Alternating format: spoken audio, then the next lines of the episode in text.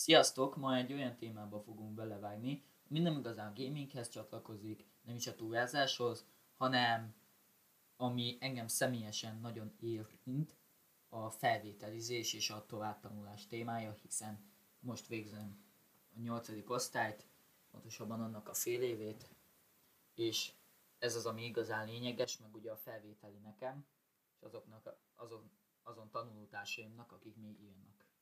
És és most nem Dani van velem, vagy Máté, hanem Balázs, a testvérem van itt. Kérlek, szólj bele. Szia Gergő, üdvözöllek, szint úgy a kedves hallgatókat itt is. Hát bárcsak én is azt mondhatnám, hogy a nyolcadikos fél évemre készülök, és a felvételire, ugyanis azért ez egy nagyon-nagyon szép kor volt, de elmúlt, viszont annyira azért nem volt régen, hogy ne tudjunk erről beszélgetni, főleg, hogy az ember egy picit már így felnőttként más szemszögből is vizsgálja ezt az egészet. Úgyhogy nagyon-nagyon örülök a meghívásnak, még inkább a témafelvetésnek. Hát nem tudom, hogy ilyen nagy egyetemes igazságokat meg tudunk állapítani, de ha már annyit elérünk, hogy egy-egy magában vívódó nyolcadikos esetleg közelebb kerül a megoldáshoz, ha idén nem is, ugyanis le kellett már adni a jelentkezéseket? Le kellett már, igen. Akkor picit lehet, hogy meg is csúsztunk, de talán jövőre, vagy akkor több mint hetedikeseknek ajánljuk a legnagyobb szívvel zárójelbe át lehet iratkozni bármikor gimi közben is, vagy középiskola közben is, de mindegy, ez mellékes. Haladjunk akkor. Gergő, mégiscsak te vagy az érintett. Amúgy, ezt így hozzátenném, hogy ezen ne őrülődjetek, hogy egy egész nyalt, viszont érdemes foglalkozni vele és gondolkodni rajta. Viszonylag hamar elkezdtünk mi is foglalkozni vele, viszont nem ezzel ment az időm, hogy jaj, felvesznek el, meg ilyesmi, hanem inkább tanultam el, és biztosan mentem, meg hát éltem a saját életemet.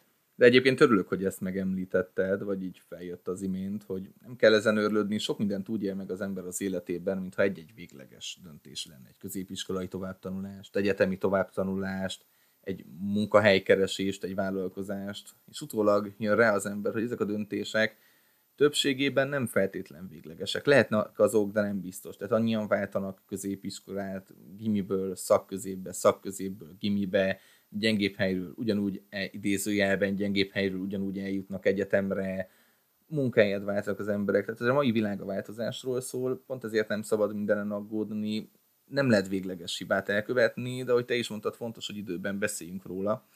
Ami nálad ugye különösen kardinális volt, ugyanis te kőszegről, hát elmondhatjuk, hogy Sopronba szeretnél menni a Berzsenyibe, ahol én is végeztem, és ugye kollégista tervezel lenni, ami egy nagyon érdekes élethelyzet egy 13, 14, 15 éves fiatalnak. Mik a vára... Ja, maradjunk a 14-nél. Mik a várakozásaid így a Kolesszal kapcsolatban? Hát a Koleszt azt alapból én általában visszahúzódó vagyok, ezért alapból egy ilyen közösségi élményként szeretném megélni, és alapból egy ilyen kis minimális felkészítést szeretnék látni benne az életre. De, de úgy meglátjuk, hogy ezzel ebből mi fog kisülni, és hogy mik lesznek, mit mi lesz ezzel. Kolesszal most kicsit bele is csaptunk a közepébe, meg így a személyes dolgokkal. Az az igazság, hogy én most alapvetően nem vagyok képben. Tehát az én időmben háromfajta lehetősége volt egy nyolcadikas diáknak, és akkor majd még külön megtárgyaljuk a hatosztályos gimnáziumot, nyolc év folyamos, stb. stb. Tehát alapvetően, aki hagyományosan elvégzett egy általánost, annak három fő csapásvonala lehetett, az első a gimnázium. Tehát ugye érettségére készülsz, tantárgyból, tantárgyakból fakultálsz, ez ugye célszerűen, ha már tudod, hogy egyetemen, felsőoktatásban merre orientálódnál, és ezzel kapcsolatosan, akkor volt olyan a mi időnkben, hogy szakközépiskolának hívták akkor. Ez azt jelentette, hogy teszel érettségit, és mellette kapsz egy szakmát. És némi átfedés volt azon szakmák között, amelyeket végezhettél szakközépiskolában is, mint az imént említettem, és szakiskolában is, a szakiskola pedig csak szakmai tanulmányokat előfeltételezett, ezek akkor jellemzően talán ilyen három év alatt elvégezhetőek voltak, tehát az teljesen reális volt, hogy valaki kijön általánosból, három év szakmatanulás, és ő úgymond akkor bele készen van, igen, bele a levesbe, de egyébként ott is a legtöbb iskola kínált ilyen utólagos érettségi lehetőséget, vannak voltak olyan ismerőseim, akik így végezték el, most nem tudom, nem, ez mennyire maradt meg, tehát ugyanez a három irány van-e elnevezéseiben azonos-e, mit kell most tudni erről? Ez a szakközépet azt már sok helyen szakgimnáziumként Ja, akkor ezek a szakgimnáziumok. Na, sosem értettem a szakgimnázium, azt hittem, hogy az valamilyen predestinált fakultációs dolog. Tehát mondjuk te orvos akarsz lenni, és akkor egy biológia szakgimnáziumba, de akkor értem, tehát ez inkább a hagyományos szakközép, ugye? Tehát szakma plusz érettségi. Igen, hát gyakorlatilag majdnem, hogy átültették ezt a régi rendszert mostaniba. Tehát nem tudom, ezzel annyira nem lehet húzni az időt. Ezek maradtak, csak más megnevezés. És a szakiskolai megnevezés az mi? Tehát ilyen még létezik, hogy csak szakma, ugye? Van ilyen. Hát szakiskola az szerintem még létezik meg, megnevezésében. Hát magá, magában, mint fogalomban, meg ugyanaz maradt. Aha, aha.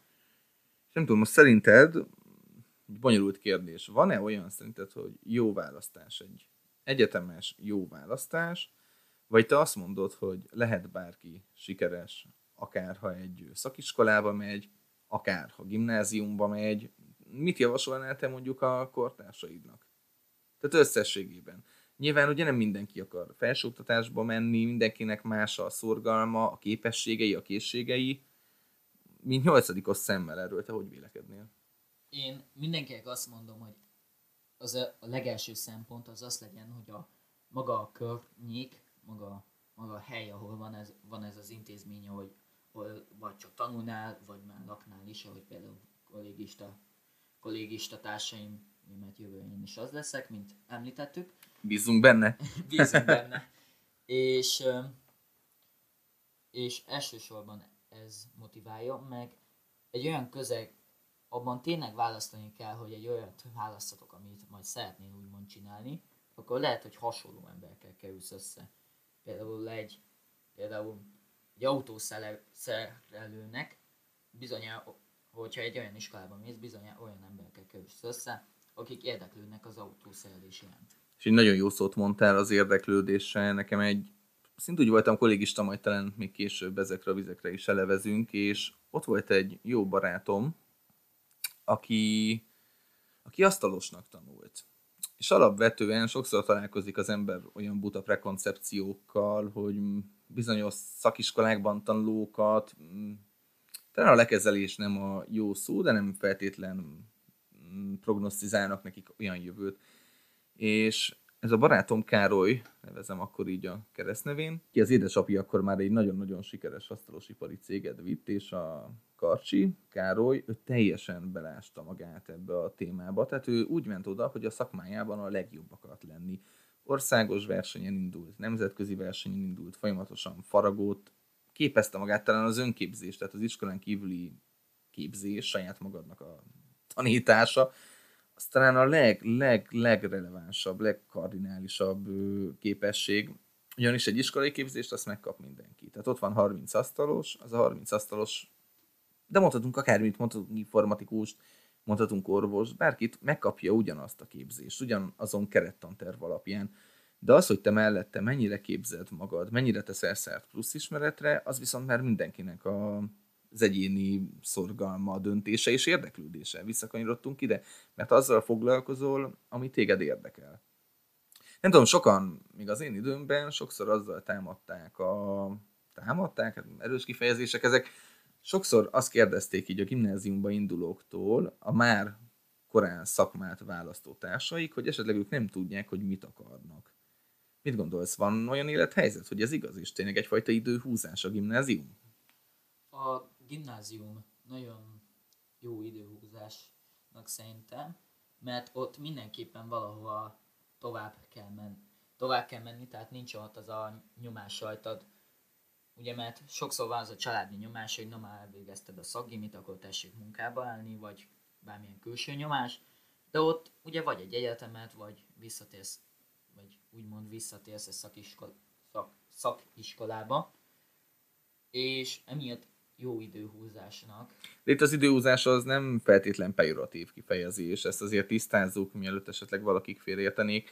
Tehát itt inkább arról van szó, hogy... hogy valaki még nem tudja eldönteni. Igen, tehát a gimnáziumban, a gimnáziumba indulókat is talán két csoportra bonthatnánk. Meg vannak azok, akik már ö, tudják azt a vélt életutat, amit beszeretnének járni. Ilyen lehet egy ügyvéd, egy orvos, egy mérnök, tehát bármilyen olyan egyetemi képzés, amelyik ez egyszerű bugródeszka a felsőoktatásban egy gimnázium, mint esetleg egy szakma. Mert van olyan is.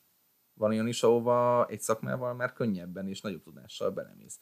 Viszont ugye megvannak azok a gimnáziumba indulók, akik valóban, ahogy mondtad, még pontosan nem tudják, hogy mivel szeretnének foglalkozni. De talán azt kijelenthetjük, hogy azért a legnagyobb... mm, Hányaduk? Nem is arra gondolok, talán a legnagyobb alapműveltsége, de sem feltétlen jó szó. Inkább úgy mondom, hogy talán a leg, legszéles körűbb általános tudást azért még mindig a gimnáziumok adják. Tehát ha valaki nem döntötte még el, mit szeretne, akkor ez egy abszolút jó Meg döntés. szimplán idő szempontjából nézve, mert most, hogyha úgy tényleg úgy állsz ezzel, hogy nem tudom, nem tudok semmit, hogy mit akarok lenni, és elmész egy szakiskolába, mondjuk három év és nem adnak érettségit, és utána jössz el, hogy hoppá, én egyetemre szeretnék menni, akkor elmész négy, négy éve még gimnáziumba, és akkor Hát talán vannak ilyen esték, meg vannak egyéb megoldások, Ja, de... Hát még utólag lehet érettségezni, de az mindenképpen hosszabb idő, mint hogyha előbb mennél, előbb mennél gimnáziumba, aztán egyetembe vagy, aztán szakiskolába. Szerintem is abban egyetérthetünk, hogy egy szakgimnázium, vagy akár egy szakiskola és utána érettségi, az feltétlenül egy előre mutató döntés. Tehát ha valaki nagyon tehetséges, elrosszad az autószerelő példát, maradjunk ennél a metaforánál, tehát ha valaki nagyon-nagyon tehetséges autószerelő, akkor is célszerű neki egy érettségit előtte-utána megcélozni, mert ki tudja, hogy a járműipar is hova megy. Tehát most ö, az autók is ma már lassan inkább igényel a szervizelésük számítástechnikai tudást, Igen. mint, tehát modern számítógépek gyakorlatilag mint sem mechanikait.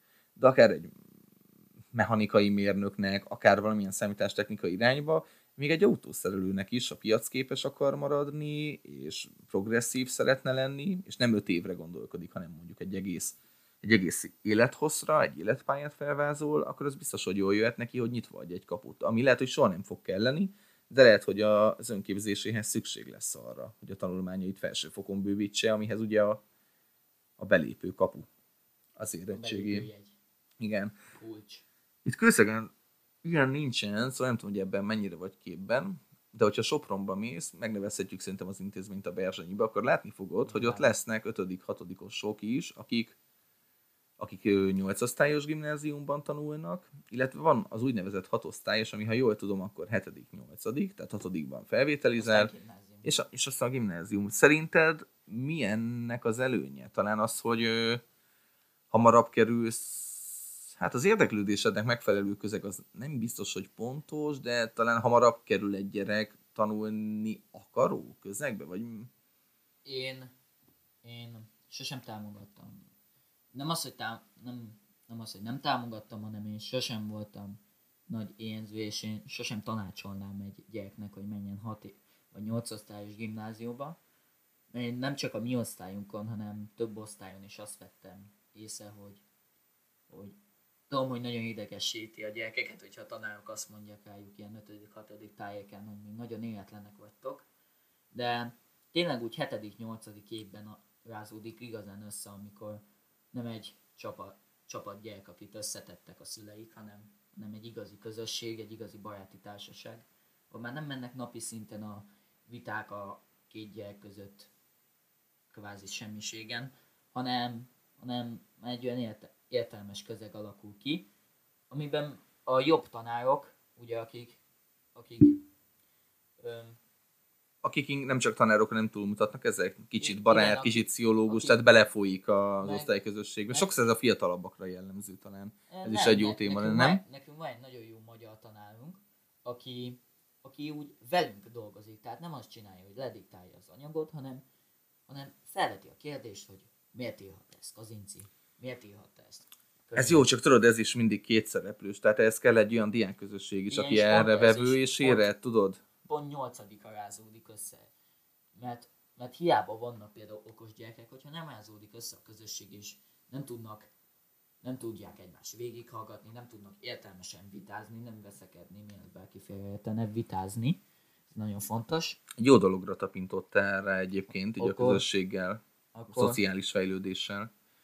Igen, akkor ez, akkor ez így, így, így egy nagyon jó dolog, hogyha így össze tud rázódni, és mondhatnánk azt, hogy de hát akkor ott vannak, ott vannak a nyolcadik osztály óta, de azt azért elmondhatjuk, hogy általánosan ugye a mi iskolánknak is, jellegi iskolánknak van gimnázium része, de a mi osztályunkból, a, és nem csak a mi osztályunkból, hanem a 8. évfolyamban ez két osztály, kb. 60 gyerekből úgy hatan mennek talán az Árpádházi. Olyan kevesen maradnak? Igen. És mennyire jönnek külsősök? Mekkorák az osztályi létszámok? Hát- Hát, Ugye azt kell tudni, Igen. egy nagyon érdekes helyzet áll fenn a Biztos. Gergőik iskolájában.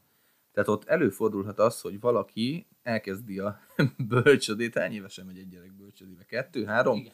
És gyakorlatilag utána 17-8-9 évesen ugyanott érettségizik le. És ez előre is vetíteném a következő kérdésem. De Ja, bocsánat, fejezd az előző ugye gondolatot, mert igazad van. És, és ugye az, hogy nálunk is nagyon kevesen maradnak, akkor mondhatnák, hát, hát akkor meg egy másik közösség rázódik össze 6 vagy 8 év alatt sokkal jobban. De, de De talán ott már megvan az intelligencia, hogy a- ez gyorsabban végbe menjen. nem az, hanem amikor a második vagy a negyedik osztályban vannak, akkor konkrétan a, ami ugye ott a nyolcadik osztálynak jelképezi, csak az nekik az ott töltött negyedik osztály, és ez ott egy teljes ilyen vérfrissítés lesz, szinte teljes, tehát maradtán két barátod, és az összes többi lecserél, lecserélődik, és új diákok jönnek, és akkor gyakorlatilag újra kezdődik ez, tehát ez olyan, mintha az előző négy év ott lenullázódott volna gyakorlatilag. Na pont erről akartalak kérdezni, hogy az előbb mondtam, lehetséges ma már az több intézménybe, hogy bekerülsz egy adott közösségbe, és kisebb-nagyobb változással egyazon csoporttal tanulsz, egyazon csoportnak vagy a tagja hosszú-hosszú évekig, akár extrém esetben, mint nálatok, bölcsödétől érettségig. Lehet, hogy jönnek-mennek, nyilván az általános részből, vagy az ovi részből nem mindenki megy az a következő lépcsőre, de ugyanazok között a falak közt sétálsz, ugyanazokat az arcokat látod, lehet, hogy nem ugyanazok, de szembe jön a folyosón, takarítónéni oda köszön, portás bácsi ugyanaz, és biztos, hogy egy 3-4-5 plusz fő osztálytárs az konstans marad. Most szerinted egy gyereknek, egy fiatalnak, ahhoz, hogy a személyisége fejlődjön, rajzolódjon, úgymond a világra nyisson, szüksége van a, van-e arra, hogy merőben új közösségbe csöppenjen? Ha szüksége van, akkor milyen gyakran? Tehát te mondjuk egy fiatal apuka lennél, vagy egyszer leszel, akkor azt mondanád a gyereknek, hogy ovi után olyan osztály, ahol senkit nem ismer, onnan általánosból olyan gimnázium, vagy olyan középiskola, ahol szintúgy, egyetemet akár kezdje meg külföldön, tehát szerinted ez kell -e, hogy folyamatosan fel tudj építeni új kapcsolatokat és interakciókat kezdeményez, vagy pont, hogy inkább egy nyugalmat adhat az, hogy egy állandó környezetben tanulsz, egy állandó baráti társaság alakul ki, és ennek nincs arra befolyása, hogy utána mennyire lesz nyitott ember. Azért is érdekes részedről, mert te is hiába nincs messze Sopron, de valójában mégis egy új város, új közösség, biztos vagyok benne, hogy egyetlen embert sem fogsz ismerni az Hát osztályból. ez nagy esélye így lesz. Igen, tehát te is ezt az utat járod be, pedig döntettél volna úgy, hogy maradsz a jelenlegi iskolád gimnáziumi folytatásában. Mit gondolsz Igen, erről? hát én ez úgy állok hozzá, hogy a társadalmi klikkesedésnek a, a társadalmi klikkesedést figyelhetjük meg, csak egy kisebb szinten. Én azt észrevettem magamon is, mielőtt újabb mutogatónos titul- titulálnának, hogy én is első körben azokkal a gyerekekkel barátkoztam, azokkal voltam együtt, akik, akik az én ovimba jártak, amúgy ezen hamar túltettem, tehát én már két hét után más vízeken is barátkoztam. Hát bocsánat, hogy belevágok, de remek a gondolatmeneted, mert gyakorlatilag egy, egy osztályközösség az egy társadalomnak a kicsinyített és kivetített mása. De ugyanúgy Igen, különböző személy, annyi a különbség, hogy itt a kor, az életkor az ugye adott, de érdeklődésben, képességekben, jellemben, személyiségben teljesen differenciált karakterek vannak. Ami ugye megágyaz azért konfliktusoknak, megágyaz a barátságoknak, csak az életkor azonos. Tehát ez szenzációs volt, ez a párhuzam. Ne, ne haragudj, hogy közbevágtam, folytas kérlek a gondolatmenetet erről. kell -e a kiszakadás? Öm, szerintem nagyon jó ez a kiszakadás, egy új közeg, egy vérfrissítés, nem hiába hívják így, mert, mert ez egy új, új lendületet ad, és megtanulja a, megtanulja a diák, hogy hogyan ismerkedjen, hogyan, és hogy hogyan tudjon egy új társadalmi közegbe beépülni. Mert ugye egy az, hogy egy az, hogy ugye kialakulnak a barátságok, ami az összezártság miatt úgy mond. Ez kicsit talán erős fogalmazás, de amiatt alakulnak ki elsősorban. Nekünk erre volt egy kifejezésünk, gyakorlatilag iskolabarátságnak hívtuk, és ez megint ilyen ö, negatívnak hangzik, de abszolút nem az. Biztos vagyok benne, hogy neked is és mindenkinek az. meg. Nem, megvannak azok a Mármint barát... úgy értem, hogy nem negatív. Nem, megvannak azok a barátok, megvannak azok a haverok, akik igazából a javában, ha nem is teljesen, de javában ugye az iskola falai közé csoportosulnak. Szereted őket, jól érzed magad velük, de valahol a kényszer, az összezártság szülte, ez abban mutatkozik meg, hogy iskolán kívül, vagy az iskola éveket követően nem feltétlen folytatódik, viszont a mindennapokat a suliban ezerszer színesebb és jobbá tesz. És nincs ezzel baj? Nincs ezzel baj? Nincs ezzel baj, meg nyilván ezekből az iskola barátságokból születnek igazi barátságok is. Hogyne, persze, az és alapja a csak legtöbbnek. ezt azért akartam így bevezet, bevezetni, hogy, hogy teljesen más az ismerkedés. Tehát, hogy, hogy én oda megyek, oda megyek, most tételezzünk fel engem az óvodába, képzeljünk el, én oda megyek egy kislányhoz, kisfiúhoz, és azt mondom, kell a homokozó vödöm, és barátok vagyunk. És már együtt, és már együtt megyünk ebédelni, tehát, hogy easy. Viszont ez a való életben azért, hogyha mondjuk üzletember vagy és kapcsolatokat kell kiépítened, ez a, ez a homokozzunk együtt szöveg nem biztos, hogy beválik. Hát de várját, az életkorra jár együtt, tehát aki könnyen barátkozik három-négy évesen, megvannak a be, ezek a barátságok, és nem történik ez a újraerősítés, persze, ezt értem, igen. akkor, akkor kicsit nehezebben tanuljuk meg ezt. Igen, de ugye ideális esetben, aki könnyen megkérdezi, hogy kell a homokozó vödröm, három évesen, vagy két évesen, vagy négy évesen, az valószínűleg 20x évesen, vagy 30x ugye évesen is elég a- könnyebben alakít ki interakciót. Nyilván nem elég, de az nem elég a alapja. maga biztosság, hanem kell ott egy ilyen kis tudás, amit az iskolában nagyon jól el lehet sajátítani, ugye, hogy ahogy egy új közegbe kerülsz, új emberekkel kell megismerkedned. Egyébként kicsit ironikus, hogy beszélgetünk itt már jó ideje a középiskoláktól, tanulásról, környezetből való kiszakadásról. A te, a te, a te, Bocsánat, hogy bevágok, de így szembe jött velem egy érdekes téma az utóbbi napokban.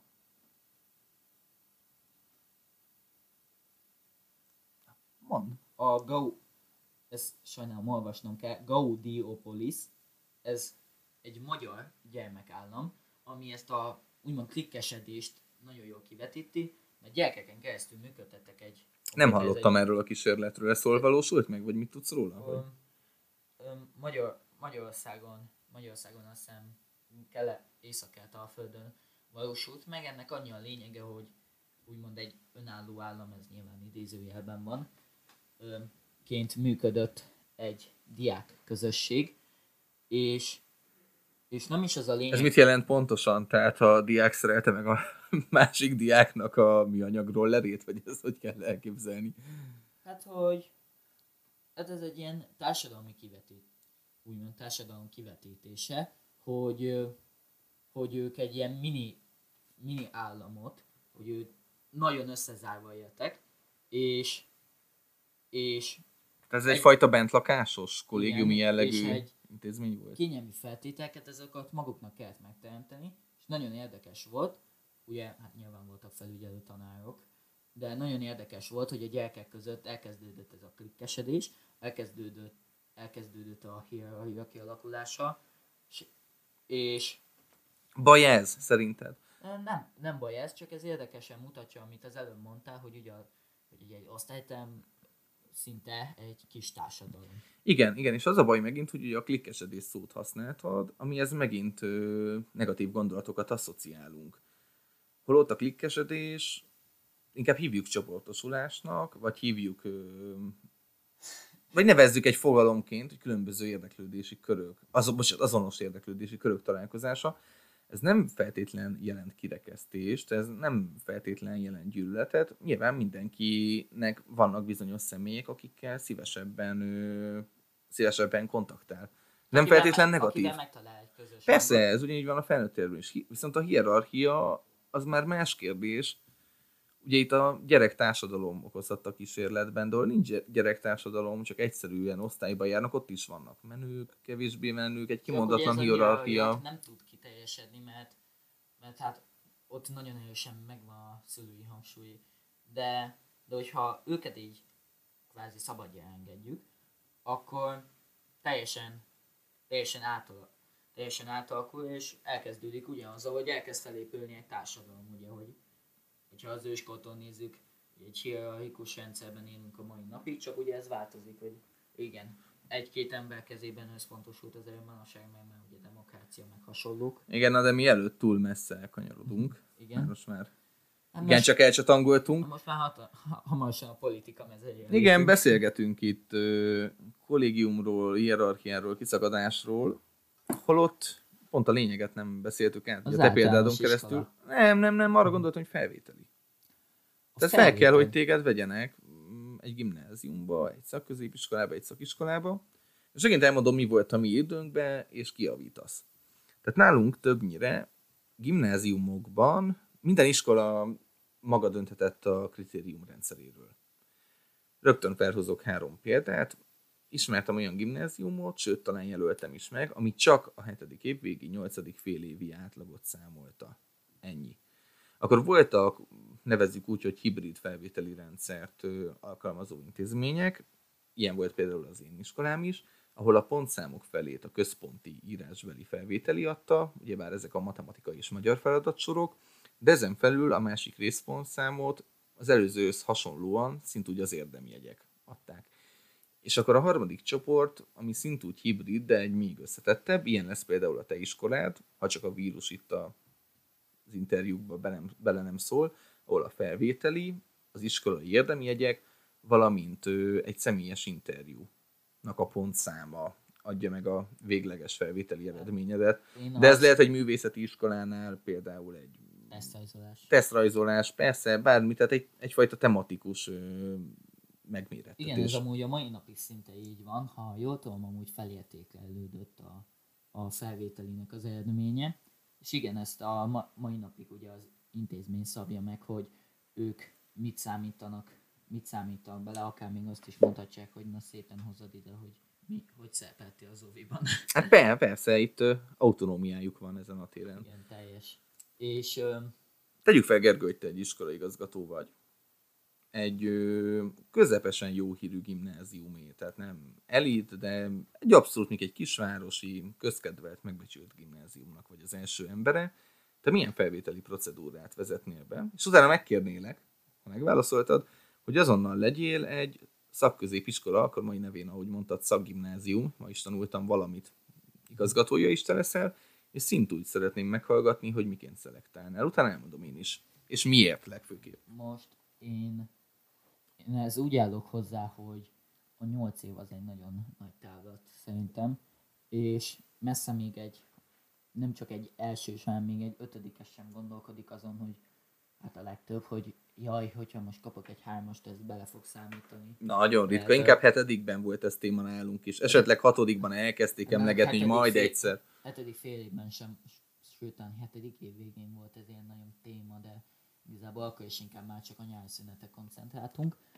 Ami, ami igazán, igazán lényeg lenne nekem az a felvételi eljárások. Szerintem, szerintem nagyon, nagyon jók, csak, csak ezt a tanároknak kéne egy jobb hozzáállás, mert, mert nálunk ez senki nem magyarázta el, ezt már rájöttem, hogy ez nem az, amit tanultál, hanem ez egy kicsit túlmutat rajta, hogy vajon azt az egyenletet, amit te még nem tudtál, hogy hogyan kell megoldod, fel tudod írni, és te tudod vezetni. Tehát most az írásbeli felvét, a központi felvételiről beszélsz, Igen. ugye? És a felvételő az szerintem egy nagyon jó, én mindig támogatom az ilyen logikai feladványokat, mert ez szinte csak abból áll.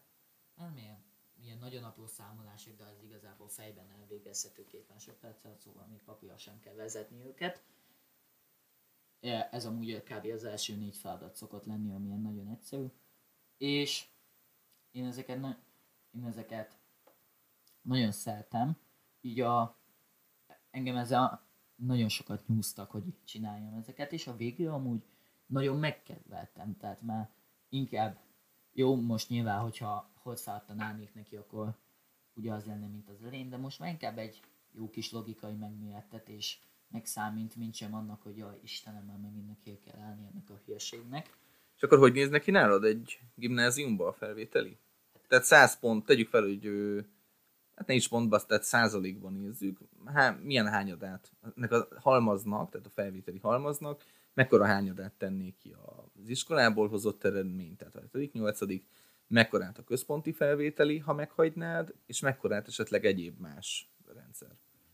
Én, én azt keresném, hogy én nagyon nem számítanám be, én szívem szerint. Szívem szerint egy olyan, ez, ha bár már állami változtatásokat igényelne, én, egy, én úgy vezetném be, hogy mindenhova szabadon felvennének, de, de hogyha tényleg meg kéne szabnom egy határt, ami alatt nem vesznek fel, én... Szerintem inkább... ez megszervezhetetlen.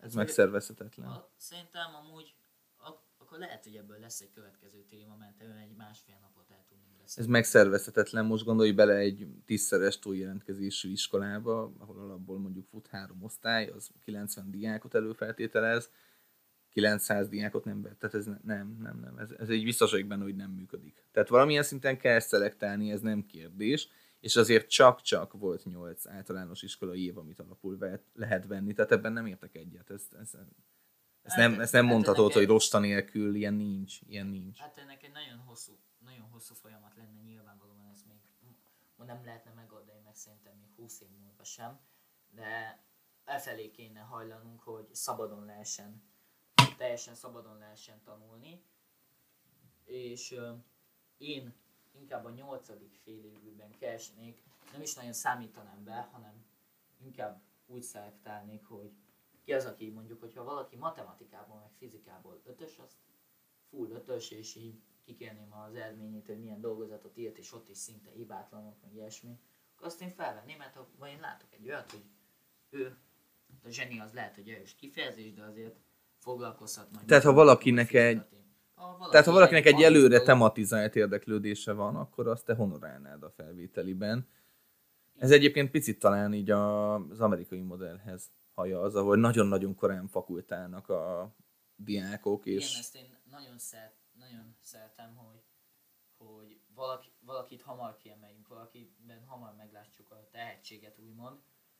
Már pedig mindenkinek van valamihez. I- igen, mindenkiben van, és én sokkal jobban szétbontanám a tantárgyakat, amúgy már általános iskola, de ilyen, hogy sokkal jobban lássuk, mert például én, én rosszabb vagyok geometriából, ugye matematika, mint, mint például egyenletendezésből, vagy algebrából, vagy hasonlókból.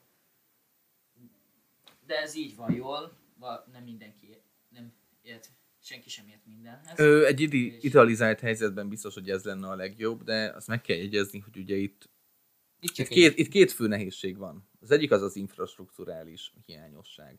Tehát sokkal több tanárra lenne sokkal szükség. Tanár, egy kis iskolában, igen, egy 300 fős iskolában nem tudnád megoldani azt, hogyha valakinek van egy olyan érdeklődési köre, ami összesen érdekel az intézményben két embert, saját év folyamában meg csak őt magát, akkor azt oktasd. A másik pedig, Ez hogy hiába... Működne, hogy az érdeklődőt, hogy mondjuk engem nem érdekel a geometria, és én nem ülök be, hanem mindenkinek, és ugyanaz a tanártal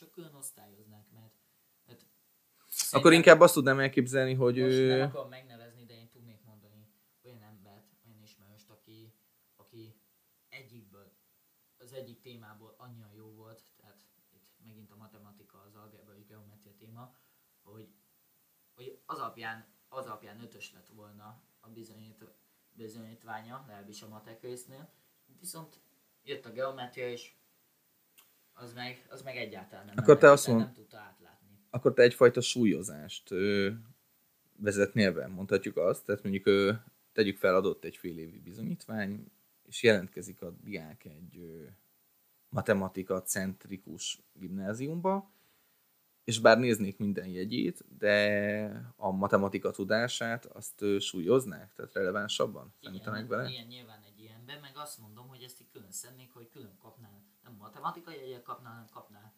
lenne egy olyan, hogy ő Értelek, algebra, geometria, persze, logika. Ötös volt, geometriában ötös volt, egyenletendezés ötös, stb. stb. ötös. És akkor ugye pontosabb képet kapnánk magáról a diákról, és ezt nem kell, nem kell külön, külön ennek kiépíteni az infrastruktúráját, mert mi is egy tanártól megtanuljuk ugyanazt, csak külön osztályoznák. Értem. Ha én is megválaszolhatom a saját kérdésem, én most ilyen távolabbi És azt reformokba... még így, váljunk, én még összefoglalom, hogy akkor keresném, a, keresném az egyes témában a tehetségeket, másrészt pedig nagyon számít, de, de nem nagyon számítanak, tehát én nem néznék ilyet, hogy hármas átlaggal nem veszlek fel, meg 4,9 alatt, ezt teljesen elhagynám, és inkább a felvételi lenne, ami döntő nálam. Én ilyen távoli paradigmaváltásokig nem is mennék el, ha bár nagyon jó, amit mondasz. Tehát ha engem idén felkértek volna évelején, tanévelején ősszel egy gimnázium vezetésére, és most kellett volna döntenem a felvételi kritériumokról, én valahogy azt mondanám, hogy talán a harmadolós rendszert alkalmaznám. A harmada lenne a hozott jegyek, ahogy most a hetedik Ja, évvége, Amúgy nyolcadik fél beleköthetek egy pillanatra, én úgy számítottam be, hogy talán évelején lesz egy kevés, de elmaradtak, amit én nagyon vártam. Ugye én, én élőben nagyon, nagyon jól tudok beszélni, és azt vártam, hogy legyen felvételi elbeszélgetés, de ez nem volt. És ezt én nagyon sajnáltam, pedig pedig nem tudom milyen lesz az eredményem, de az biztos, hogy nekem javított volna ebbe. Én nem kételkedtem, nem kételkedek. Hát És- nyilván most Viszmajorra a helyzet, szóval sajnos ez nehéz. Igen, de nyilván, hogyha lehetne esélyünk ebbe az évbe, ebbe az évbe a, a felvételi elbeszélgetésre, akkor azt is hasonlóan súlyoznám, mint magát a felvételit. Mint az írásbelit. Igen, szóval visszakanyarodva, az egyharmadát biztos vagyok benne, hogy kitennék a hetedik évvégi, nyolcadik félévi jegyek, és egyébként az akkori önmagam ellen is beszélek azzal, ugyanis én nagyon-nagyon elhanyagoltam az általános iskola végén a tanulmányokat, és egyébként itt lehet azt mondani, hogy kis túlzással ezek a jegyek szubjektívek. Ugyanis most nem mindegy, hogy egy nagyon szigorú, nagyon jó hírű, nagyon kemény általános iskolából jössz, vagy mm, nem konkretizálva, de egy kisebb településen lévő, esetleg sokkal inkább személyes viszonyokon alapuló intézményből. Tehát tudod, ami az egyik helyen ötös, az nem biztos, hogy a másikon is ötös. Viszont azt sem szabad mondani, hogy 8 év munkáját azt ö, teljesen vegyük semmibe, és teljes mértékben legyen irreleváns, ugyanis ennek lenne egy rossz üzenete a diákok felé, kvázi nem kell tanulni általánosban, úgysem számít. Picit ilyen a középiskolán az érettségi, de ez más téma. Tehát lenne egy rossz üzenete egyrésztről, másrésztről pedig azért mégiscsak 8 évnek, ha más nem, ha nem is feltétlen a tudásod, a szorgalmát. Szorgalmát az talán inkább prezentálja. Tehát harmadát azt kitenné nálam is. Harmadi, harmada lenne a központi írásbeli felvételi. Ebben tetszik, hogy exakt, mérhető, objektív, mindenki ugyanazt írja, mindenki ugyanannyi idő alatt írja, mindenki független helyszínen írja. Viszont ugye nyilván itt ö, éppen ezen oknál fogva nem feltétlen igazságos. Teljesen abból a szempontból, hogy milyen formában vagy aznap, izgulós típus, vagy-e vizsgadrók, gyakorlatilag egy nyolcadikos gyereknek talán az első ilyen független megmérettetése. De, de mindenképp beletenném. 20% lenne, tehát akkor 66, 76, 86, 19% lenne, akkor így mondom, és akkor a 85-öt kapjuk, 19% lenne az elbeszélgetés.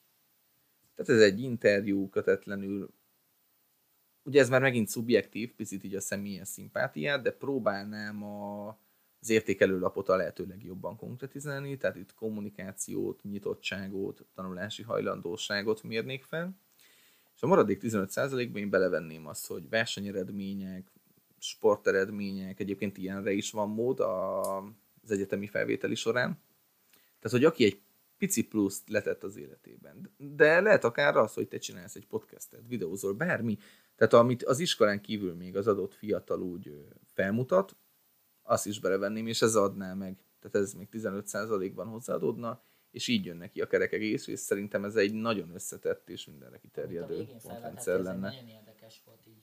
Sajnálom, hogy megint utólag így belejavítok, de ezt én is beletenném, csak én ezt így egy ilyen 100% fölött, tehát én azt nem számítam bele. Én személyesen amúgy nagyon nem szeretem az ilyen diák, diákversenyeket, ahol azon versenyzünk, kina- kitanulta meg jobban a magyar nyelvtant. Csak tudod, ez egy iskola szempontjából azt jelenti, hogy lehet, hogy te nyerhetnéd majd a díjakat a következő intézményeknek, de nincs kedved, nem szereted, nem hozod. Tehát joga van az iskolának azt mondani, hogy ez a fiú nem feltétlenül regbíti majd a hírnevünket, iskolai szinten, miért ne sorolnánk hátrébb azzal szemben, aki pedig igen. Tehát jogod van így érezni, de az iskolának is szerintem joga van ahhoz, hogy ők viszont azt mondják, hogy ez ragaszkodnának. Nem is ragaszkodnának, de örülnének neki. Ugyanúgy egy jó sportolóra is büszke vagy. Hát csak most azt, azt kérdeztük, hogy hogyan lehetne, és én, és nyilván itt vannak ütköző vélemények, de szerintem ez lenne, ez lenne a legjobb. Ez lenne a legjobb, mert, mert nem mindenki szeret, én se szeretek verseny, versenyezni, meg, megmértetni magamat ilyen formában, ezek a diákversenyek engem meg egyáltalán nem vonzanak, viszont ezt egy ilyen, viszont amit mondtál, hogy ez egy ilyen rangsorolás, hogy ez nem számítám bele a 100%-ba, de ez egy ilyen 110%-ot kapsz két plusz pontot mondjuk. Hát végül is mm, a végeredménye ugyanaz, tehát ő pluszt kapsz érte. Gyakorlatilag ugyanaz, csak ugyanaz. Ez a, csak ez a, ugyanez, mint amit te mondtál az enyémben, hogy ez a, hogy ne számítsuk bele ezeket a 8 évnek a jegyeit. Ez ugyanez, hogy, hogyha ez így a nyilvánosság elé kerül, hogy így ez alapján vesznek fel, akkor lehet a diákokban egy olyan érzés, hogyha nem mész versenye, akkor alapból, alapból te egy szar helyzetben vagy. Magyarosan. Nehéz, nehéz, nehéz téma az, az biztos. Egyébként egyetemi felvételin vannak érdekességek. Tehát ott ugye alapból az érettségid releváns. És az érettségi egyébként nagyon helyesen abszolút egy kompetencia alapú feladatsor. Tehát most mondok neked egy szélsőséges példát. Te leülsz úgy emelt történelmi érettségire, hogy egy darab dátumot nem tudsz, egy darab uralkodót nem tudsz. Abszolút nulla, mínusz a történelmi lexikális tudásod. Viszont kompetencia alapon jó a szövegértésed, jól fogalmazol, látsz egy térképet, látsz egy ábrát, látsz egy forrást, abból le tudod szűrni a lényegét, következtetéseket vonsz le. Én azt mondom neked, hogy 4-es, 5-ös környékén, sőt, ugye 60% emelten egy érettségi az 5-ös osztályzat. Azt mondom, hogy minden gond nélkül. Megírnád nulla tudással, és valahol ez jó, tehát kompetencia ha alapú. még nem érettségiztem, ezt így hozzáfűzném, hogy 20-es történelmi zseni az osztályunkban, ezt így kimondom nagy képesség nélkül. Én ezt nagyon, meg, nagyon tudom, nagyon sokat foglalkozok vele, és egyszer megkérdezték, hogy egyszer megkérdezték, hogy hogyan is tanulom meg ennyire jól. Érdekel, én, és azért. Én mondtam, hogy tudnod kell az uralkodókat, és a vezetőket, és tudnod kell, hogy melyik volt hülye, mert a hülyéket kell tanulni, az okos, az logikusan csinálja a dolgokat, tehát logikusan kikövetkeztető. Persze, arról miért beszélnél? Igen. A, azt nem kell megtanulni, hanem hogyha van egy erős logikai érzéked, akkor ki tudod találni, hogy mit hogyan csinált. Akár még, hogyha adsz nekem egy kicsit több időt, jó azért hátkor lenne egy ilyen feladatot betenni, betenni egy ö, éret, történelmi érettségibe, még egy emelt fokúba is. De hogyha kapnék egy-két órát, én simán levezetném a Gettysburgi csatának a teljes, teljes lemenetelét. És élvezném, tehát hogy én ilyen vagyok. Na és hogy visszakanyarodhassak, ugye ott az érettségi a, a fő latbanyomó erő, viszont tehát az a lényeg, hogy ott ö, többféle pontszámolási módszer létezik, de amikor kalkulálják az eredményeid, akkor a számodra a legelőnyösebbet ö, veszik számításba. Tehát abszolút csak érettségre is hagyatkozhatsz, és akkor semmit, de tényleg semmit nem számítanak a gimnáziumi tanulmányaid, középiskolai tanulmányaid. Ott is van egy hibrid módszer, mikor tanulmányi pontok és érettségi pontok összessége adja a te eredményed. És hát ugye itt is vannak nyilván főleg tematikus művészeti intézményekhez, sporttal kapcsolatos szakokra ugye a külön procedúrák, de egyébként nagyban hasonlít, nagyban hasonlít az általános iskolaira minden szempontjából. Ponti felvételhez még egy alternatívát így megpróbálnánk bontogatni, hogy ez boncolni a témát, hogy ezt hogyan lehetne is végbevinni, hiszen, hiszen azt kiemeltük, hogy ez egy nagyon jó rendszer, ugye kompetencia alapú, a logikát még szinte, telj, szinte teljesen logikára hany- hanyagszik, Hagyatkozik. agyatkozik, bocsánat, és, és ez nagyon, nagyon tetszik, viszont vannak hibái, ez nyilvánvaló, semmi sem tökéletes, most azt elkezdjük boncolgatni, hogy hogyan is lehetne egy alternatívát megalkotni. Amúgy szerintem minden ilyen felvételi eljárásnál az lenne a legjobb, hogyha több napon, több napon keresztül csinálnánk is. Több Ne is mondd, hogy mi lenne a jobb ez majd, ha... több témába. Meg, megve, ö, több témából kérdeznének, és így többször. Tehát, Ezt mindjárt kifejtett bővebben, mondjuk kétszer felelnénk, aztán meg kétszer de igen. figyelj, de figyelj, figyelj, figyelj Gergő, ö, azon kell változtatni, ami valamiért nem jó. Tehát szól a közmondási jó dolgokon ne változtass. Fogalmazzuk meg, hogy a központi felvételivel jelen mi voltában, mik a problémák, mik a hátrányai. A, szerintem a legnagyobb hátránya, amit ki lehet emelni, és amivel foglalkozni is kell, hogy ugye ez egy egy, ez egy alkalom. Így van, ezt elmondtam, És- amikor a És igen, procedúráról beszéltünk, így van. Ez egy alkalom, és ezen javítani kéne, mert azért, hát ez megint egy erős fogalmazás, de azért nem hozhatunk egy hatalmas változást az életedbe, csak amiatt, mert egy napon rosszul szerepel. Igen, Mert tehát- lehet, hogy, lehet, hogy nem tudsz aludni, mert rás tesztelsz, vagy, vagy mert, vagy mert nem tudom, ráomlik a hó, ráomlik a hó januárban, Lényeg a lényegtől a pillanatnyi formát, azt kivennéd a képletből. Igen. Igen, hát annyira nem lehet ezt kivenni, mert csak nem lehet azt Minimalizálnád. egész évben, hanem egy ilyen, ami egy ilyen több.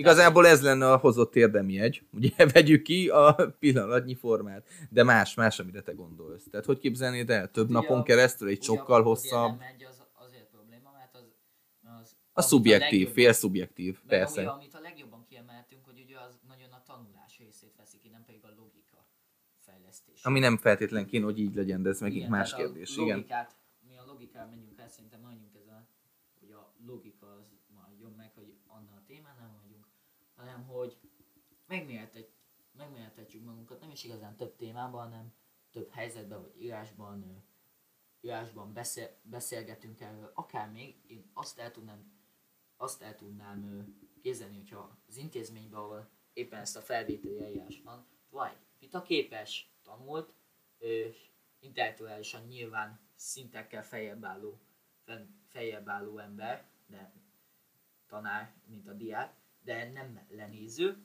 akkor az egy nagyon jó vitát lehetne elindítani, és mondjuk elkezdenénk vitázni egy olyan témába, nyilván amiben meg tud szólalni a diák, és, és ez egy nagyon, nagyon jó képet adna, mert azért azt valljuk be, hogy a vita az egy még magasabb szint, ahol valaki értelmesen tud vitázni, mint aki értelmesen tud felelni vagy szónokolni. Maximálisan egyetértek, de azért az fontos elfelejteni, hogy hiába kiemelkedő készségek, a, a retorika, az önkifejezés, a kommunikáció unblock, de nem feltétlen lesz erre mindenkinek szüksége, és nem feltétlen jár együtt minden életúttal, minden foglalkozással. Tehát csak erre kiegyezni nem szabad, de abban igazad van, hogy egy nagyobb szeretet kéne ennek szentelni, és egyébként párhuzamot vonhatunk az interjúval, nem? Amiről beszélünk. Picit az is hasonló, nem vitázol, Igen, nem feltétlen ugye- mér fel műveltséget, de mégis egy, ké, egy önképet állítasz ki magadról. A vita az egy,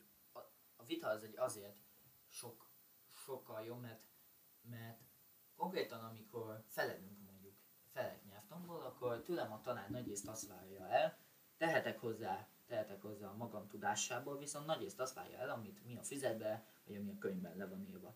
Viszont amikor viszont egy vitában olyan helyzetekbe kerülhetünk, ahol meg kell, meg kell védeni az álláspontunkat, és, és a tudásunkra és a logikai érzékünkre hagyatkozva kell alátámasztani, ami egy megint magasabb szint, és ugye, ugye vannak tanárok, akik ezzel szoktak szivatgatni, hogy így, így, így elkezdi húzni a fejüket, amikor megmondjuk a jó választ, és sok diák ilyenkor elkezd elbizonytalanulni és visszavonja, mikor amúgy jót mondott, még így mondjuk neki, hogy ne, ne, ne, ne, ne, ne csinálj, ne csinálj. Ez mellékes, és A megingatás, régi trükk. megingatás. És ennek egy sokkal jobb formája lenne az, hogyha nem így megingatná, hanem így ellenérveket mondana. Ugye, Hát jó, de egy exakt kérdésben nem vitatko- kell, hogy... Vitatkozunk, vitatkozunk, akkor azért mindenki átgondolja, hogy hát aki tud vitatkozni, hogy lehet, hogy nem az én álláspontom jó, vagy lehet nem állja meg teljesen a helyét, vagy lehet, hogy a másik félnek van igaza. Úgy látszik, ez már védjegyedé válik, hogy egy picit megint messze szaladtunk. Tehát a, az alaptematika ugye a, a központi felvételi megreformálása volt. Nagyon jókat mondtál, hogy a hibákat kerestük, és maximálisan rátapintottál a pillanatnyi formára.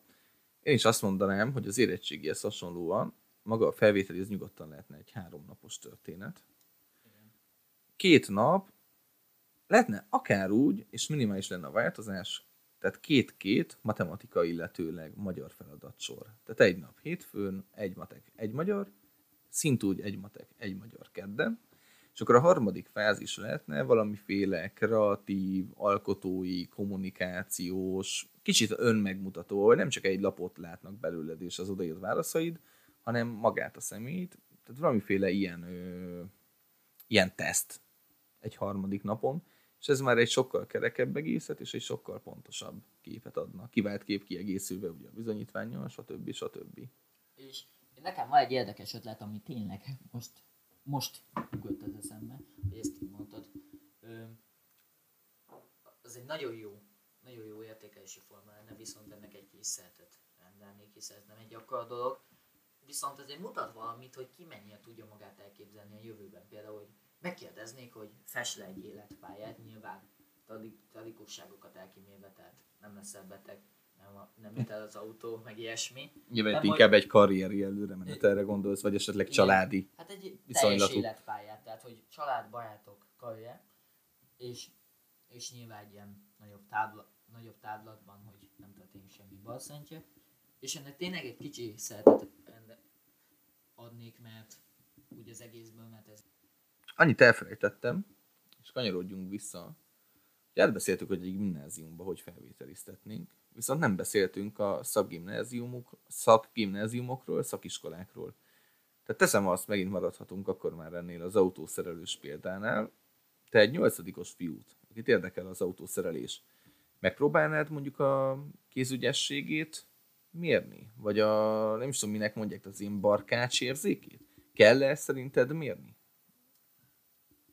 Ez megint egy ilyen, én most megint felvetek egy ilyen kis reformat, hogy ez sokkal jobb lenne, hogyha ez már általános iskolai szinten. Nekem volt egy barát, és van egy barátom jelenleg is, aki, aki ugyan nem túl ügyes, ilyen kézügyességben, viszont ő az elektronikával és a elektronikával akar foglalkozni nagy rész, és összedobott egy olyan elektromágnest, tátottuk a szánkat, tehát 240-szer körbetekelte, és olyan komoly volt, olyan komoly volt, hogy a hogy lehetett kapcsolni, két lámpa volt, és hogyha az egyiket felkapcsoltak, akkor ugye fele, akkor erővel ment, és hogyha mindkettő fel volt kapcsolva, akkor ment teljes kapacitásával. Akkor az ikonikus Breaking Bad jelenetet eljátszhatnátok vele, csak most nem a rendőrségi raktár felé fordítanátok, hanem a tanáriban tapadnának fel a kávéspoharakból a kis kalákák a falra, amikor megkapcsolja. Félretéve a viccet nehéz, mert ugye mit mész, milyen szakmánál, milyen foglalkozásnál pontosan mit mész. Ugye pedagógusoknak például, tudom, mert egy nagyon jó barátomnak az akkori párja, amikor egyetemre jelentkezett, ott motivációs levelet kellett írnia, beszélgettek vele, tehát ott egy ehhez hasonló rendszer volt, mint amit itt most esetleg hiányolunk.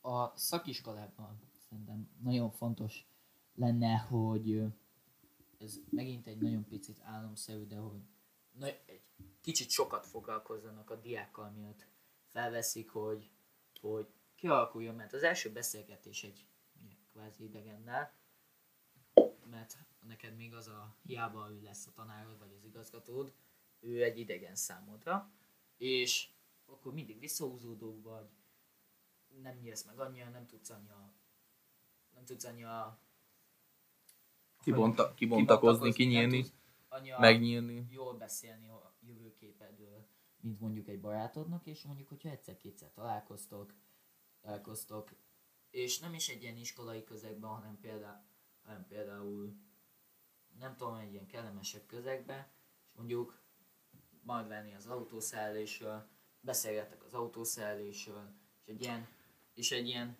így kép, és így kiépül egy ilyen kapcsolat, és akkor így elmondaná, hogy ő mi, mit érdekel? Mi mm, érdekel Nagyon jó, amit mondasz, és szerintem óriási hiányosság a óriási ott hagynak maguk után az egykori orientációs napok. Azt hiszem voltak hasonlók, tehát gondolj bele, hogy sok diák úgy választ foglalkozást, hogy nem látta egy egész napját az adott foglalkozást tűző személynek, valakinek. Tehát elmész orvosnak, de nem tudod, hogy valójában egy orvosnak gyakorlatban hogy telik egy napja. Elmész, jelentkezel a tisztire, mert te nyomozó akarsz lenni, de valójában fogalmad nincs, hogy a milyen izgalmas munkanyomozó valójában esetleg egy íróasztal mögött mit csinál. Lehet ez autószerelő, lehet ez foci edző, és gondolj bele, hogy egy évben hány napot töltenek suliban a diákok. Tudod, mit mondanék? A nyolcadik osztály második fél éve gyakorlatilag még sok szülő is megengedi, hogy a gyerek úgy tekintsen rá, hogy le kell tudni, pontszámai megvannak, hogy jön a középsuli. Én azt mondanám, hogy csak minden harmadik nap, vagy csak minden héten egy adott foglalkozás nyílt napjára elmenni. Ez lehet interjú, lehet gyakorlat, kivonulni tűzoltókkal, elkísérni egy nyilván, amit a lehetőség meg a racionalitás enged egy orvost, egy mérnököt, tehát hogy picit egy gyakorlati képet kapjon a diák, ne egy könyvből elméletben válaszol, meg klisék alapján. Igen, hát én nyilván akartam mondani, hogy a realitás talaján maradva, azt azért mégsem tudjuk megcsinálni, hogy mondjuk a diákot elküldjük a tekesekkel egy bevetésre, hogy Pedig... kedves gyerekek, most lekapcsolunk, lekapcsolunk egy házas párt, akinél 15 kg kokain van, várjatok szép a kocsiban. És, és akkor, ahogy a nyolcadikos Józsik az adott filmesen az ínyihez dörzsölni, hogy valóban az-e, amiben csak liszt. Jaj. Azért mondom, hogy a racionalitás talaján maradva, de, de mégis egy valódi képet kapva. Hát Gergő szerintem nem maradt más. Mint, a, mint az általános és azon belül is az online oktatás, hiszen most ebben vagyunk, ebben élünk. Ti ebben vagytok? Most nem tudom, ti jártok, jársz? Ez az online oktatás. Nem. Te jársz suliba? Mi járunk suliba. Igen, tehát most jelen pillanatban, jelen lesz szerint ugye 8. osztályig. Tehát az általános iskolások fixen járnak, ugye? Igen, aztán a fölött meg már nem. És de te is, tehát, hogy mielőtt azt hinnék, hogy itt vakon nyilatkozol, ugye te is online tanultál De, nyilv, fél nyilv, évet gyakorlatilag? Nyilván igen, ez amikor új keletű dolog volt, ugye a márciusban indult ez, akkor én ott voltam, de igazán nem is ez, ez a referencia, hanem nekem az az egy hét, ami őszi szünet után különböző okok miatt csak egy hét volt, online oktatásban telt, és, és annyi volt ennek a lé, lényege, hogy ott már ott már ugye megvolt az az előző tapasztalat, mert akkor még az elején nagyon összeszedetlenek voltak. 130 platformon keresztül kaptuk a tananyagot, és nem is tudták, hogy hogyan adják le, mert szerintem nagyon, nagyon, nagyon jó, hogyha egy újra interaktív, de nagyon rossz, amikor túlságosan interaktív akar lenni. Tehát egyes tanárok benyomtak 74 videót, amit, ami tízszer annyiba tartott végignézni, mint maga amennyi az óra lett volna. Egyébként erre egy nagyon-nagyon érdekes kérdést feltennék neked, és kíváncsi vagyok, hogy hogy gondolkozol. Ne válaszold meg rögtön, mert ki fogom egészíteni a kérdést. Az alapkérdésem az az, hogy tud-e az online oktatás jól működni. Jól alatt azt értem, hogy gyakorlatilag a hagyományos tantervűvel megegyező módon. És most előfeltételezd azt, hogy a tanárok, mint ö, tehát a tárgyi feltételek adottak, mind a tanároknál, mind a diákoknál. Gyors internet, megfelelő gyorsaságú számítógép. Adott a rutin, ahogy említetted ezt az őszi szünet utáni első hetet, tehát már adott egy rutin, adottak a platformok, tehát ha minden tökéletesen klappol, klap. akkor tud-e jó lenni egy online oktatás, vagy ez alapból egy elvetendő dolog, egy kényszerszülte megoldás, és igenis helye van minden téren a hagyományos tanterminek. Ez egy Most ne arról beszéljünk, hogy volt egy, egy olyan tanár, aki esetleg idős, igen, nem értette. Most ért hozzá. Most, Tehát most minden tökéletes. Minden tanár ért hozzá most. Mondjuk egy ilyen előrevetítés, ugye 200 év múlva nyilván az ilyen dolgokhoz már mindenki érteni fog, vagy nem is 200 év múlva, hanem szinte már 20 éven belül. Persze, ahogy a generációk, hogy ne. Na szóval, ez nagyon érdekes, mert tud működni. Ez biztos. Nem nekünk, értek egyet, de ezt majd működött, kifejtem. Nekünk működött.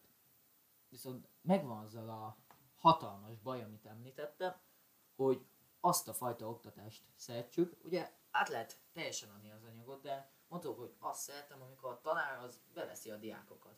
Szóval szerintem, bár tud működni, ez inkább egy kényszer megoldás, mint ténylegesen használható és alkalmazandó formula, formulája az oktatásnak, és én mindenképpen maradnék, annál, annál maradnék a, hogy köszönöm, hogy kiavítotál, a a, a hagyományos oktatás. A hagyományos oktatás, uh-huh. hogy szemtől szembe menjen ez, hogy legyen ott egy beszélgetés, és hogy a tanár és a diák mindkét fél aktívan részt, részt vegyen az oktatásban. Nagyon örülök, hogy végül ezt mondtad, ugyanis nyilván sok diák kényelmességi, kényelmi szempontok alapján rávágná, hogy kiváló így otthonról tanulni. Én azt mondom, hogy úgy beszélgetünk az online oktatásról, mint ez technikájában is új dolog lenne. Meg amikor a híradóban először számoltak be erről az időseknek, hogy mi fánterem, úgy azt hogy a mai modern technikáknak hála már megoldható. Vadasság. Tehát figyelj ide, én 24 vagyok, 10-14 éves koromban már majdnem minden barátomnak volt, majdnem minden családban volt számítógép, hogy milyen az más kérdés, de volt. Még MS, Messengeren, bocsánat, nem ő, minek hívták? Messenger? Viber. Nem, a Viber az más, WhatsApp. ez a, nem, ez az akkori platform, MSN. MSN, MSN-en beszélgettünk, webkameráztunk, tehát gyakorlatilag ugyanúgy volt. E-mail, volt webkamera, minden adott. Tehát 10 éve, 15 éve is lehetett volna online, oktatást csinálni. Nehogy azt itt, hogy nem. Szerintem, ahol ma van számítógép, ahol ma van internet, ott jellemzően, ha nem is 15, de 8-10 évvel ezelőtt volt. Tehát egyrészt technikailag ezt nem kell egy reformnak feltüntetni, ez nem új technikákon alapszik. Legfeljebb egy-egy platform új, de azok meg annyira minimális fejlesztések, hogy gyakorlatilag tényleg csak a felület újja mögött álló technológia nem. Tehát ez is ö, működött és létezett.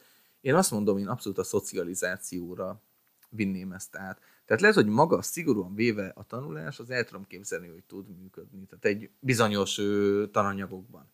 Tehát egy matematikát vissza tud kérdezni a diák, kétoldalú kommunikáció, úgy gondolom, hogy nagyon ritka eseteket például egy hangszeren való oktatás eltekintve, ez tud működni online szintéren. Viszont azt semmi nem helyettesítheti, amikor a szünetben beszélgetsz, eszed a tíz órait, megy a civakodás, megy a barátkozás, megy az udvaron a foci szünet, a kergetőzés, nagyobb gyerekeknél a diákszerelmek.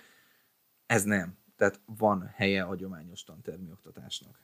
Meg ugye nagyon, nagyon alapja ennek, amit az, még az elején boncolgattunk témát, hogy, hogy ez, egy, ez egy szociális fejlődés maga az iskola, amit nem lehet elhanyagolni, ami csak probléma lesz, hogyha valaki nem, valaki nem tud egyszerűen beilleszkedni egy környezetbe, vagy nem tudja, hogyan kell kapcsolatokat teremteni, mert ugye ezt szépen fokozatosan, ezek úgy, hogy ugye egy újabb közegeben, mint az elején említettük, kerül, ezt úgy tanulja meg, és úgy lesz egyre képzettebb a témában.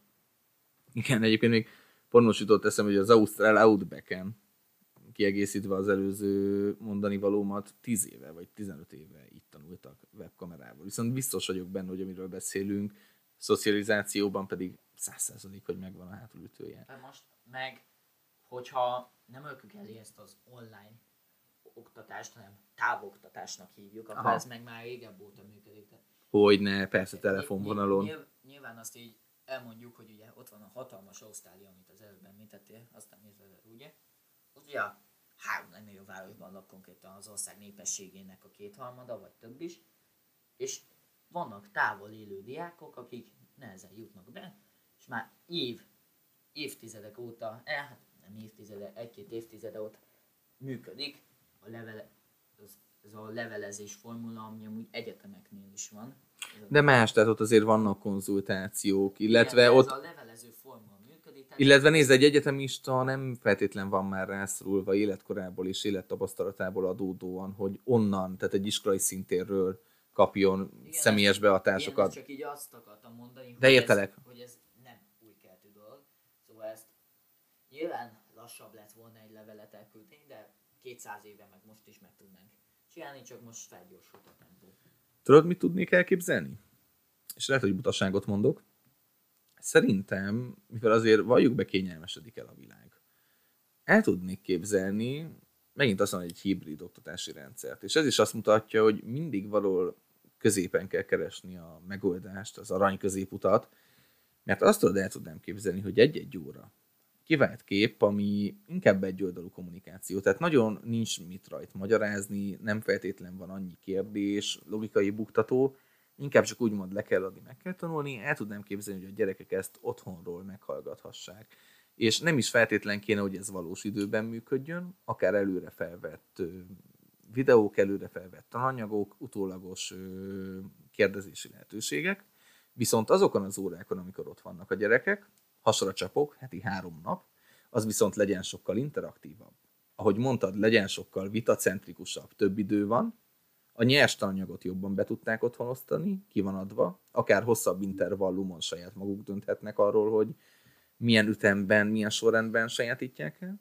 Viszont amikor ott vagy, sokkal többet beszélgetsz tanárral, diákkal, vitatkozol, kultúrát fejlődik, több mindenre idő van, és nem mellesleg, valljuk be, mindenki volt iskolás, emlékszik, hiába hajlamosak az emberek elfelejteni, nem feltétlen bánod, hogy nem ötször kell felkelni hatkor, hogy beír nyolcra, hanem mondjuk háromszor egy héten. Nem? Tehát még nálatok ez tudna működni, hogy egy nyelvtanóra online, Igen. egy nem tudom mi online, és bemész tesizni, bemész, törin vitatkozol a tanárúrral, hogy mi volt jó, mi nem működne ez? Én ezt, én ezt nagyon nem tudnám elképzelni, sajnálom de én ezt nem tudnám megképzelni, hogy ez félig máshogy működjön. Viszont azt, amit nem használtak ki, és ez most jutott eszembe, hogy ez a hibrid oktatás, hogy ha már nincsen koronavírus, meg most már aztán lehetőség sincs most erre, ugyan blog, hogy legalább így online formában, hogy ki lenne írva, hogy ki, kiadnák így az iskolák, hogy mondjuk aki akar este, ott, este ötkor az Audi gyárban vagy egy ilyen online körbevezetés, ahogy így odarakják a kamerát, mutatják, hogy dolgoznak, megmutatják a gépeket, hogy legalább ennyi legyen, mert ezt itt tök jól ki lehetett Kicsit perspektívát tágítani, az online oktatásnak hát, áll a több, hát igen, akár egy orientációs jellegűt. Aha, igen, aha. orientáció, ezt a szót akartam megtalálni. Nyilván ez megint ugye a szegény ember megoldása, mert más, mint ö, normál helyzetben, de hiánypótló lenne. Ezt így is. Ki, ki, ki lehetett volna használni, viszont ilyen hibrid oktatást én nem tudnék elképzelni. Még én ennek látom a létjogosultságát. Bizonyos tantárgyakban, idő Viszont nyerés a... céljából, kényelmi célból, és nem utolsó sorban, sőt elsősorban abból, amit mondtam. Hogy... Viszont egy olyan formában ez a hibrid oktatás, hogy, hogy a, hogy a tananyagról felvétel és online elérhető vázlat készülne, és folyamatosan online mond, közvetítenék hogy aki le, lemaradt az órán, vagy, vagy, vagy otthon van és nem tud becsatlakozni, becsatlakozni az így, az így ot, ot, otthon, otthonról is tudjon tanulni. Egyes tanárok például nálunk ezt csinálják, hogy ők beviszik a, beviszik a számítógépet, és az egész tanulát, tanulát ő, ő, élőben mutatják, és akkor be tud kapcsolni az a diák, aki éppenséggel hiányzik. Egyéb iránt ennek az egész muszáj, meg kényszerszült a helyzetnek van egy olyan járulékos, pozitív hozadéka, hogy gondolj bele egyébként mekkora tudásfelhalmozás, tudásmegosztás keletkezik. Tehát itt egyetemi, komplett egyetemi tananyagok válnak. Nem feltétlenül elő, elérhetővé, de létezővé digitális formában. Középiskolai tananyagok, magyarázatok, kísérő videók, tehát egy olyan szintű oktatási tudásanyag, tudáscsomag halmozódik fel, amit reméljük és lehet, hogy később akár hagyományos oktatásban is tudnak kamatoztatni, akár az órán felhasználva, akár a diákok, ha otthon megértési célzatból pluszban ezekhez majd hozzáférhetnek, hozzányúlhatnak. Mert tehát minden, minden folyam így tanul, tanult, tehát te is a 9 eshez hozzáfogsz, hozzáférhetsz majd jövőre. Ez egy pozitív dolog. Igen, és, és itt nagyon pozitív, pozitív, hogy, hogy ott egy hatalmas tudás, tudástár van előttünk, és talán a legjobb hozadéka ennek az lenne, hogy a következő években következő években sokkal nagyobb hangsúlyt fektetnek arra, hogy például ugye sokan vannak ilyen érdeklődők, és többek között nekem ez volt egy ilyen motiváció, hogy elkezdjék angolul tanulni, hogy ugye, hogyha majd majd egy idővel, amikor majd sokkal jobban érintelek ezek a témák, mindenhol legfrissebben általában angolul lehet tudomást szerzni. Hát az Akár angol nyelv ismerete az tudomást. soha nem fog ártani. I- igen, ezt így ismerni, csak, csak az érdeklődő, ki, érdeklődő viszont ö, életkorból vagy életkorból vagy hasonlóból adódóan kisebb nyelvtudással rendelkező gyerekek, mint én, azoknak így sokkal többet fordítsa. Magyarra sokkal hamarabb, és ezeket jobban digitalizálják. Megnézd, még lehet, hogy angolul amúgy is lenne lehetőséget tanulni. De maradjunk a lehetőség szónál. Te most ö, kitalálnád, Meg, kitalálnád, hogy mandarinul akarsz tanulni, lehet, hogy itt egész kőszegen nincsen ö, kínai tanító tanár, de el tudod érni, el fogod tudni érni. Irgalmatlanul nagy ö, határokon fognak ezzel hidak, hidak átnyúlni. Igen, meg igen, ezt akartam kiemelni ezt a nyelvtanulásnál, hogy például azt meg lehetne csinálni, hogy teljesen nyilvános közvetítésekben mennének a tanórák. Mondjuk, hogy mondjuk becsatlakozok online egy mondjuk Moszkvában lévő orosz nyelvű nyelvtanórára, és akkor azt hallgatom, és hát ha valami elmagad. Hidak, hidak a nemzetek között, nem tudok más mondani, tehát ez, ez így van. Kérdés, hogy ez szolgálja egy intézmény Igen, érdekét, valamilyen szinten biztos. Egyre inkább az, hogy megszűnnek a határok, ugye, amit így a világhálónak úgymond a elterjedésénél, az internet elterjedésénél kezdtek mondogatni, amit a mai napig mondogatnak, hogy már eltűnnek a határok, és, és ez egy nagy mérföldkő lehetne, hogyha, hogyha én tudnék egy nyelvtanulát nézni Moszkvából, Hongkongból, Hát hogy ne? És nézd, ha valaki, ha valaki teljes hittel azt Ja. állítja, Sosem hittem, hogy azt fogom mondani, hogy megnézek egy Las Vegas-i nyelvtanulát. ha valaki azt állítja teljes hittel, amivel mi ugye nem értettünk egyet, hogy az online oktatás az maximálisan ö, helytálló alternatívája a hagyományosnak, az gyakorlatilag azt állítja, hogy te a gyakorlati képzés leszámítva tanulhatsz, lehetsz a diákja egy alaszkai egyetemnek, úgyhogy nem muszáj ott élned, nem kell oda költöznöd, nem kell feladnod az itteni életed, hanem gyakorlatilag mondjuk az első X évben, ha úgy építenék fel, hogy az csak, csak lexikális jellegű legyen, akkor gyakorlatilag itt ülsz a szobádban, és hozzáférsz ahhoz. Igen. Tehát nagyon, nagyon nagy Ez- dolgok ez ezek. Nagyon nagy dolgok hasz- ezek. egyetemeknél lehet használható. Persze Bár nyilván, amikor az ala... sosem vezetnénk be úgy hogy, úgy, hogy ez egy olyan megoldás legyen, hogyha egyetemben mész, akkor venned kell számítógépet, meg különben, különben nincs lehetőség. Hát megnézd, most nyilván- egy ilyen mellékes lehetőségnél folyamatosan fel lehetne tartani, de ezt a többieknél is mondtam, hogy online be lehet csatlakozni órákra, hogy akár otthon. Mert azért azt nem engedélyezném a diákoknak, hogyha nyilván nem betegek, meg ilyesmi a általános iskolai diákoknak, hogy otthonról, de mondjuk egy de mondjuk egy idősen mondjuk már érettségi időszaknál, vagy, vagy mondjuk egyetemen, akkor azt már ott megengedném, megengedném, hogy nyilván érettségi időszak előtt, hogy inkább otthon maradjon és tanuljon, és online csatlakozik be az órába. Persze itt legkevésbé sem arról van szó, hogy ő csak kényelmi szempontok, bár a kényelmi talán még helytálló szó, inkább a lustaság, tehát itt abszolút nem, abszolút, abszolút nem a lustaságról van szó, itt tényleg a, a lehetőségekről, a kinyíló lehetőségekről. Nyilván persze egyértelmű, hogy ő északi tengerbiológiát nem fogsz úgy tanulni az Alaszkai Egyetemen, hogy itthon vagy, mert azért minden, tehát minden foglalkozás, mert végül is foglalkozásokat tanulsz, tehát minden szak, minden egyetemi középiskolai képzés szakma egy foglalkozás, amit a gyakorlatban üznek már, nem Ugye az elméletben. orvos is egy szakma. Persze, hát az orvos, sem, az orvos sem tankönyvből műt, tehát nyilván nem tudsz online tanulni egy orvos egyetemen. Viszont, hogy beszéltük, a, a lexikális része, az exakt része, az gyakorlatilag bárhonnan elérhetővé válik. És továbbá még boncolgatnánk meg annyi témát ebbe a kis közös podcastünkbe, és kérlek jelezzétek like, feliratkozás vagy komment formájában, hogy van-e igény ilyenekkel, hogy legyen hosszabb, legyen rövidebb. Nézd, a fiataloknak erre, erre van befogadó igénye, akkor azért az oktatásról lehet beszélgetni. Tehát most itt a továbbtanulás, amit nagyjából kiveséztünk, akár lehet interjúkat bizonyos szakmák képviselőivel, érdekességeket. Azért ez egy ezerágú téma, tehát az életünknek egy meghatározó eleme, meg minden továbbinak sokszor az alapja. Szóval bátran jelezzétek valóban, ha ilyenre mutatkozik igény, biztos vagyok benne, hogy Gergő ezt tolmácsolja, és örömmel állok majd a rendelkezésedre.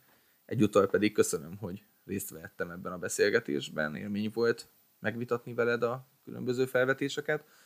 A hallgatóknak, akik pedig olyan kitartóak, hogy még így szűk, másfél, inkább egy és negyed órát követően még Hát, velünk igen. vannak nekik a bizalmat. Bízom benne, hogy még találkozunk. Köszönöm, Gergő. És a folytonos figyelmet is köszönnénk, akkor mi most közösen elköszönnénk. Sziasztok, Sziasztok, vigyázzatok magatokra! kellemes továbbtanulást!